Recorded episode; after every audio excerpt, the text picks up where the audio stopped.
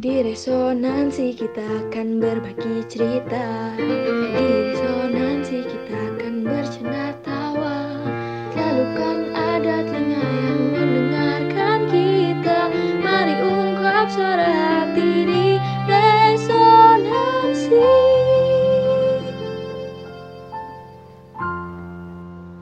Balik lagi bareng kita-kita di Resonansi, saya Eka. Dan saya Patrick.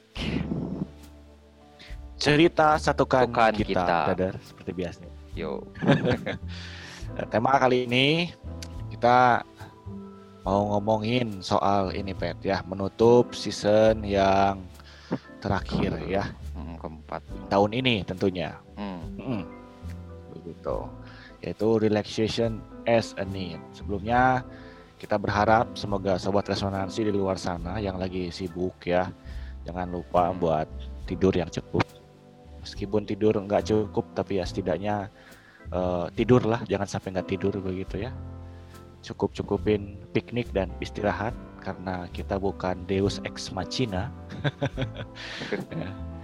Nah, tapi kita manusia yang butuh di servis ya, maksudnya butuh butuh penyegaran lah gitu. Nah, Pet, ngobrol-ngobrol soal eh, tema kita, apa sih yang kelintas di pikiran Patrick soal tema kita ini? Hmm. Tema kita hari ini itu kan eh, kita ngomongin relax relaxation as a need ya.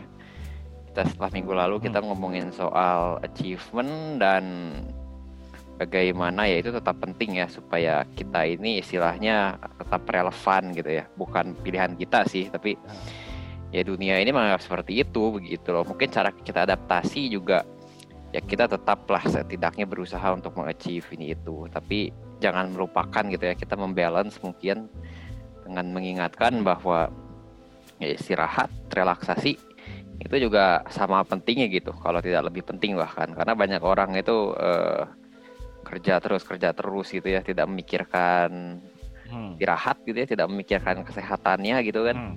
Ya kira percuma juga gitu Ya. ya kalau kita mengachieve ini itu terus Hmm. tiba-tiba umur pendek aja amit-amit gitu ya misalkan gara-gara lupa untuk beristirahat yang cukup Hmm. Hmm. Betul, betul, betul. Kalau dari sisi saya sih saya dapat eh, beberapa bro. Yang pertama mungkin ya sobat resonansi di mana pun berada, rajin bekerja itu harus dan bagus, tetapi berbeda dengan workaholic. Workaholic itu satu penyakit, satu kecenderungan di mana kita merasa tidak fulfill, kita merasa tidak tidak nyaman ketika kita tidak bekerja. Akhirnya kita punya rasa kaku, punya ketidakmampuan untuk menikmati hidup kita secara seimbang gitu. Hmm. Jadi yang namanya relaxation itu adalah salah satu bentuk terapi ya untuk membuat diri kita jadi manusia yang seimbang, yang stabil eh, jauh dari istilah workaholic yang mana workaholic itu dalam hal ini gitu ya adalah satu penyakit psikologis gitu ya. Mhm. Alkoholik. Hmm. Hmm. Betul. Dan yang kedua, mungkin yang selanjutnya, eh, relaksasi itu diperlukan untuk mengembalikan produktivitas. Maksudnya gini, kita sering kali bekerja melakukan satu pekerjaan terus-menerus tanpa ada satu progres, tanpa ada satu hal yang baru kan begitu. Eh, nah, dengan adanya relaksasi itu memungkinkan kita untuk menjadi pribadi yang lebih produktif karena manusia itu kan bekerja sesuai dengan imajinasinya. Jadi kalau imajinasinya mati, mau kamu punya waktu 24 jam juga kamu akan mengulang hal yang sama gitu. Tetapi ketika kamu punya imajinasi yang yang full gitu, yang udah dicas begitu ya, kamu tuh siap untuk membuat karya-karya berikutnya. Nah, ambil contoh dalam sebuah eh, tim olahraga gitu ya. Ada tim yang terus melatih tapi gagal terus nggak berhasil. Akhirnya si pelatihnya udah kita libur selama dua minggu nggak boleh megang bola katanya. Nggak boleh megang bola nggak boleh pakai eh, nggak boleh ada di sesuatu yang berhubungan dengan latihan. Kalian pergi ke mana aja gitu. Tapi titipan dari saya kalian kalian bayangkan.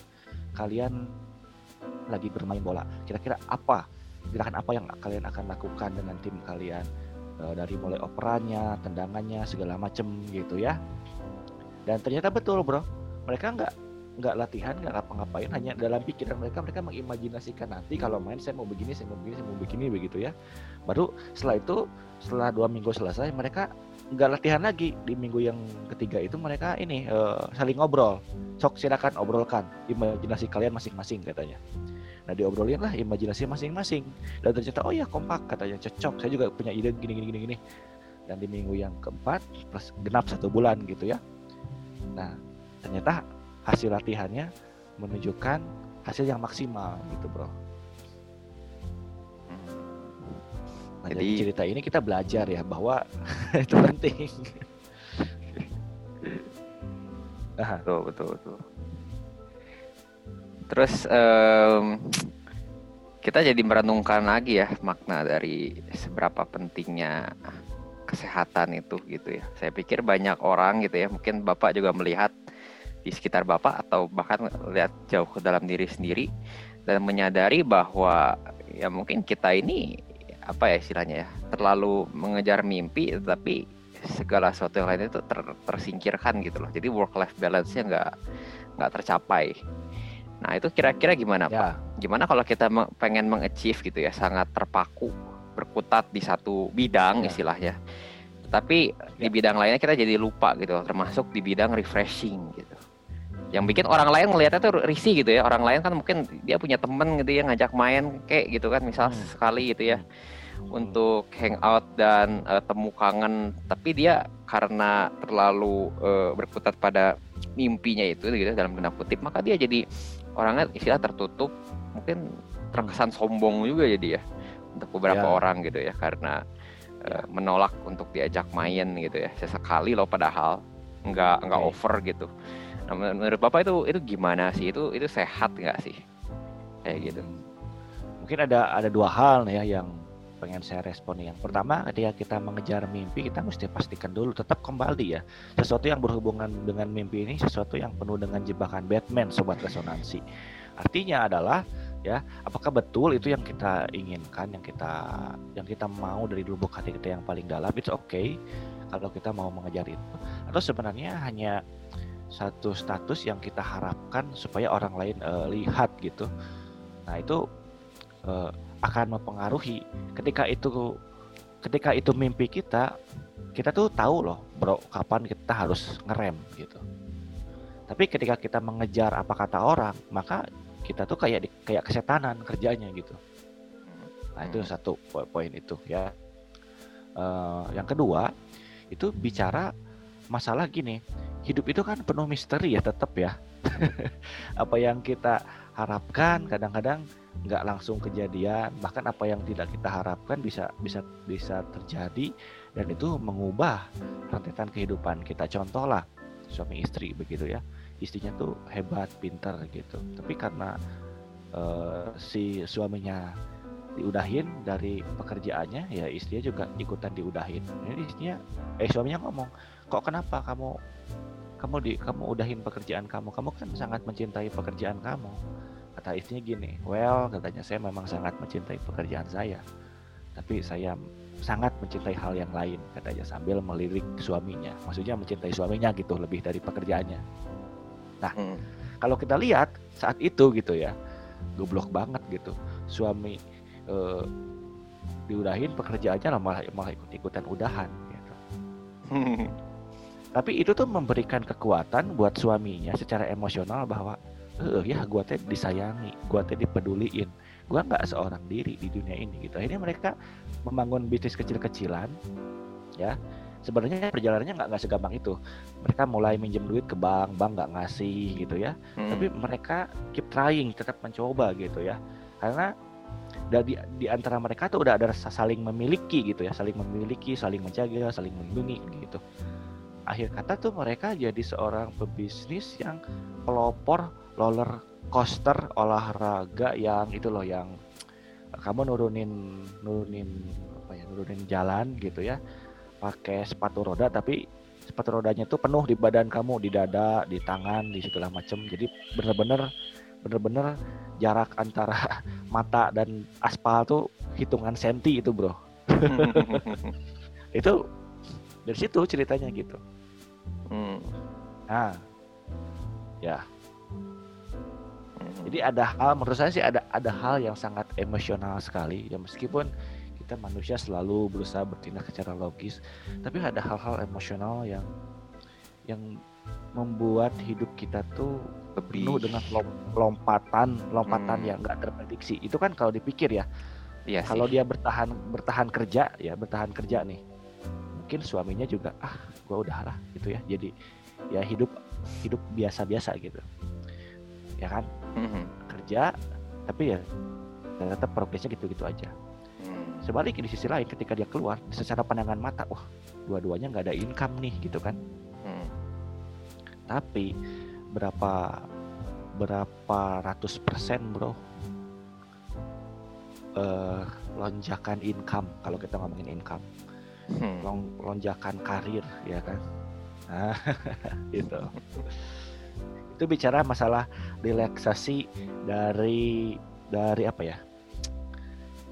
Orang-orang yang ada di sekeliling kita ya yang mau ayolah udahlah gitu. Kita ambil waktu lah berdua dulu gitu. Kalau mungkin suami istri sobat resonansi di luar sana.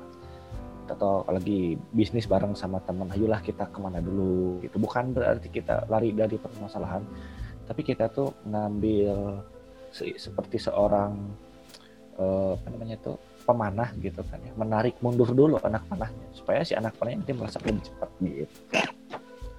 Hmm. gitu bro. Kalau Patrick sendiri apakah punya tips dan trik sendiri? Ya ya. Eh, Iya sih saya saya juga baca ya soal pentingnya re- relaksasi ini gitu. Ada ada artikel yang mengatakan bahwa kita tuh sebetulnya kunci dari efektivitas ya dan produktivitas dan kreativitas terutama dalam pekerjaan termasuk itu dalam meraih mimpi itu sebetulnya bukan seberapa keras kita bekerja dalam waktu yang singkat gitu ya. Jadi seolah-olah kita tuh justru kalau orang yang merasa terburu-buru gitu ya, seperti dikejar-kejar setan gitu ya. Jadi dia tuh nggak punya waktu untuk hal lainnya selain kerja dan achieve dan ini dan itu.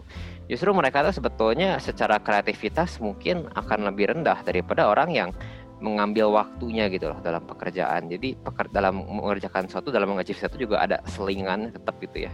Selingannya ya apakah Hmm. ber, apa ya istilahnya ya betul. berkumpul dengan keluarga atau istilahnya dia eh, mencoba untuk main gitu ya sama teman Hmm. gitu. Nah, justru orang-orang seperti itu loh yang punya bisa punya selingan-selingan itu justru dia tuh selagi relaksasi di tengah pekerjaannya tuh dia akan lebih terangsang gitu loh si kreativitasnya. Jadi dia akan lebih bisa memikirkan hal-hal yang sebetulnya out of jadi bukan masalah kuantitas melulu ya, tapi secara kualitas mereka tuh lebih fresh gitu karena mereka nggak kecapean gitu ya. Lalu kedua Hmm. mereka juga dengan tadi dengan bisa relaksasi itu mereka mereka waktu untuk istilahnya berkontemplasi lah istilahnya. Untuk bermeditasi. Dan ini semua itu penting gitu ya supaya mereka tuh bisa ketemu ide-ide yang bagus gitu loh. Bukan cuman kerja kerja fisik yang ya- ya- ya- yang yang yang yang banyak gitu loh secara jumlah kalau kerja fisik banyak secara jumlah mungkin lebih menang orang-orang yang sama sekali nggak beristirahat gitu ya 24 jam bangun gitu. Dijamin itu kan secara kuantitas mungkin oke lah ya bisa bisa menghasilkan Hmm. banyak gitu. Karena mereka eh, menghabiskan waktu lebih banyak juga gitu loh. Tetapi di dalam waktu itu nggak berkualitas karena pasti capek banget fisik mental. Jadi kalau secara pikiran itu sebetulnya mereka itu nggak fresh dan sebetulnya mereka tuh tidak menga- bisa menghasilkan eh, sesuatu yang inovatif begitu. Dan saya juga merasakan itu gitu loh. Jadi hmm, misal dalam pekerjaan jangka panjang gitu ya berhari-hari dalam menulis misal. Ya kadang saya berkata sama diri sendiri gitu ya meskipun saya mungkin masih bisa lanjut menulis gitu ya sudah jam satu malam gitu kan. Tapi ketika sudah benar-benar eh, istilahnya capek dan ngantuk dan butuh tidur gitu ya mungkin ba- bangun-bangun lagi mungkin agak siang di eh, hari Hmm. itu juga gitu kan ya saya membiarkan diri sendiri gitu loh jadi eh, mencoba untuk slow down sejenak tapi mengetahui bahwa waktu yang kita gunakan untuk relaksasi untuk istirahat itu sebetulnya nggak sia-sia sih nggak kontraproduktif gitu loh terhadap apa pun itu yang mau kita achieve sekarang. Justru sebaliknya, ketika kita bangun kita tuh akan tiga kali, empat kali lipat lebih bisa cepat, lebih bisa produktif dan secara kualitas pun akan naik gitu dibanding kalau kita akan uh, memilih untuk lanjut terus gitu ya. Saya juga melihat gitu ya ada seorang kenalan yang istilahnya agak sedih sih melihatnya begitu loh hmm, gimana, dia ini merasa sangat nih, kalau yang sedih-sedih sekali. saya suka punya empati buat mendengar eh. boleh dibongkar jadi eh, dia itu lebih ke arah tadinya dia itu ya punya waktu gitu loh ya untuk bersekutu berteman gitu bahkan menjadi model mentor bagi sini sana begitu ya. Lama kelamaan nggak tahu apa yang uh, menyambar dia. Tiba-tiba dia merasa bahwa dia tuh nggak punya waktu lagi gitu ya. Jadi dia tuh harus hmm. Dalam tanda kutip mengejar mimpinya se secepat yang dia bisa begitu. Sehingga semua hal itu yang tadi dia lakukan semua mentoringnya semua uh, pengajarannya pengabdiannya sama orang lain itu sedikit demi sedikit dia hentikan. Dia lebih seperti menutup diri dan tinggal di bawah cangkangnya gitu loh. Mengerjakan hmm. apa pun itu yang yang dia ingin kerjakan. Dan sepertinya ya. non non stop banget gitu ya. Orang lain mungkin masih ada yang menjangkau itu tidak ada yang bisa meraih. Hmm. sehingga uh, ya mungkin itu adalah salah satu trap tadi ya trap dari achievement yang mengiming-imingi gitu. Dan mungkin dia terpengaruh juga sama backgroundnya gitu ya. Menyadari hmm. bahwa dirinya ketinggalan lah sama teman-temannya misal yang kuliah gitu ya. Mungkin kita kita udah sempat bahas sedikit.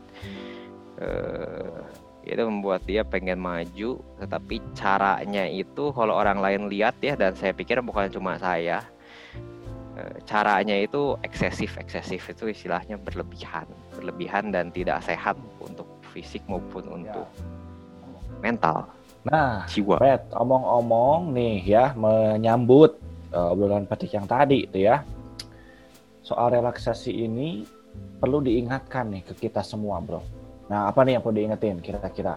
Nah, apa yang yang perlu diingetin menurut saya sih gini. Pada saat kita mengambil relaksasi, jangan sampai pikiran kita ini ini mungkin yang paling sulit.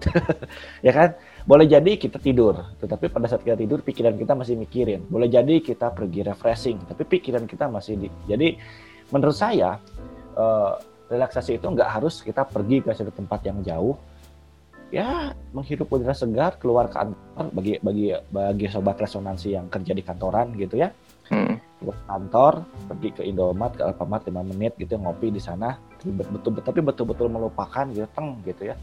Itu udah termasuk relaksasi bro menurut saya.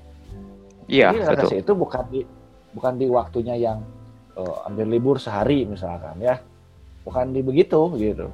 Tapi kondisi pikiran kita yang mampu melepaskan nah melepaskan ini sebetulnya kalau buat saya ya ada ada istilah yang tersendiri bro. Apa tuh? Namanya live of faith. Jadi maksudnya kita tuh pada akhirnya ya perlu mengakui bahwa kita tidak bisa mengandalkan kekuatan kita sendiri. Hmm. ya kan? Ya sama seperti kita mesti ingat seorang petani. Seorang petani itu rajin nggak kerjanya? Rajin bro. Berangkat pagi ya kan? Pulang sore. Tapi pada saat malam pernah nggak dia pikir aduh gimana? Kalau ya. Eh, nggak uh, jadi kalau nggak tumbuh apa yang sudah saya tanam gimana kalau ada apa-apa apa gitu. Kan enggak. Jadi kita dalam melakukan sesuatu harus seperti petani yang memelihara dengan telaten seperti mem memelihara anaknya sendiri. Itu kan petani itu gitu.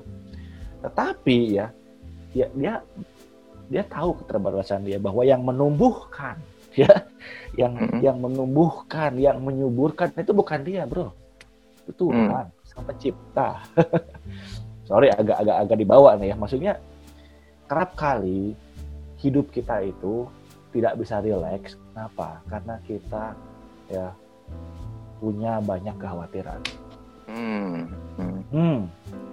jangan ya saya sama Patrick hari ini ya nggak terlepas dari yang mereka kekhawatiran. Tapi yang menjadi permasalahan kepada siapa kepada apa kekhawatiran itu ditaruh gitu? Apakah kita megang itu terus-terusan. Kan sama halnya seperti kita naik mobil bawa tas berat tapi tasnya tetap kita pegang tetap kita gendong gitu. Padahal kita naik mobil naik kereta misalkan. Ya kan? Hmm. Se sehebat apa pun mobil itu tetap akan terasa berat beban kita karena kita nggak taruh gitu kan. Ya kan? Iya. nah ini ya poin dari relaksasi yang barangkali eh, perlu kita ingetin lagi ke sobat resonansi di luar sana gitu loh brother kalau Hmm. dari saya sih itu jadi yang pertama adalah jelas dulu tujuan kita tuh mau ke mana hindari yang namanya workaholic ber- bersikap rajin bersikap rajin kerja keras mengejar cita-cita itu perlu ya Hmm. Nah, tapi itu bukan workaholic begitu ya jangan bangga ketika kita oh lu mah workaholic jangan bangga itu satu satu sinyal bahwa kita tuh mulai tidak bisa ya menikmati liburan tidak bisa men- tidak bisa rileks diri kita gitu dan yang kedua tadi ya eh, Hmm. ya kita bisa rileks kepada siapa atau kepada apa kita menaruh kekhawatiran kita itu aja sih saya kira kalau dari poin saya tahu dari poin Patrick ya Ya, setuju lah. Eh, intinya memang bahwa pokoknya emang dunia ini tuh ini ya, mungkin bridging dengan episode kita yang sebelumnya. Kita mengakui sih, ya kita kalau terlalu santai juga susah dianggap gitu ya. Kalau kita nggak dianggap, maka salah satu kebutuhan kita yang paling mendesak ya, yaitu mungkin the need for self esteem, the need for self actualization, the need for Hmm. achievement gitu-gitu ya dan ya, pengakuan gitu-gitu Eh, to some extent itu akan sangat redam gitu ya. Jadi itu bukan solusi juga tetapi segala sesuatu yang ber- berlebihan itu nggak pernah baik ya. Sering dengar pasti termasuk eh, dalam hal bekerja ini gitu. Ya saya pikir tidak ada yang bisa menyalahkan kita gitu ya. Kalau kita tuh orangnya eh, ambis dan bekerja keras itu kan trait-trait yang positif gitu. Tapi tetap kalau bekerja kerasnya terlalu over ya jatuhnya tadi ke perangkap eh, workaholic gitu ya. Dan saya pikir ketika orang kita dibilang workaholic itu bukan pujian ya kalaupun itu pujian juga sepertinya yang memujinya tidak tidak tahu gitu workaholic gitu istilahnya maksudnya ngarahnya ke mana gitu sebetulnya gitu ya Nah, ada kondisinya. Nah, bagaimana cara mengeceknya, brother? Ini kita sekalian mau tutup ya. Bagaimana Hmm. cara mengeceknya bahwa kita seorang yang pekerja keras dan workaholic? Bedanya itu bedanya di poin R. Poin R itu adalah poin relationship. Jadi maksudnya seorang yang pekerja keras, dia bisa jadi teladan untuk orang lain karena dia seimbang hidupnya gitu kan. Masih ada Hmm. hubungan, masih ada relasi dengan orang lain. Bahkan di tempat kerja dia punya luang waktu untuk nge-mentorin orang lain, untuk ngajarin orang lain meskipun ya nggak ada nggak ada kaitannya dengan keuntungan dia gitu. Nah, itu ya. Tapi kalau orang yang workaholic cenderung egosentris, mengerjakan sesuatu hebat, tapi dia tidak bisa memberikan kontribusi gitu karena dia tidak punya waktu untuk memberikan hatinya kepada orang lain. ya, Hmm. sama seperti Patrick, Patrick kan orangnya rajin ya, eh, eh, rajin pekerja keras. Nah, dia ngasih ilmu ke saya, sobat resonansi. Nah itu ciri-ciri orang yang eh, pekerja keras, rajin. Tapi kalau dia workaholic, dia nggak ada waktu buat saya, buat bikin resonansi ini juga mungkin gitu kan? ya ya nggak bro? ya berarti masih sehat lah ya alhamdulillah Poinnya di relasi. Jadi Hmm. bagaimana sobat resonansi tahu bahwa saya adalah seorang pekerja keras dan saya adalah seorang yang workaholic adalah di relasi. Ketika sobat resonansi punya resola, eh, jadi pabelit, punya eh, relasi yang baik dan pekerjaan yang tertata rapi, nah itu berarti termasuknya kerja keras. Tapi ketika kehilangan relasi, berarti itu udah mulai menuju ke arah workaholic.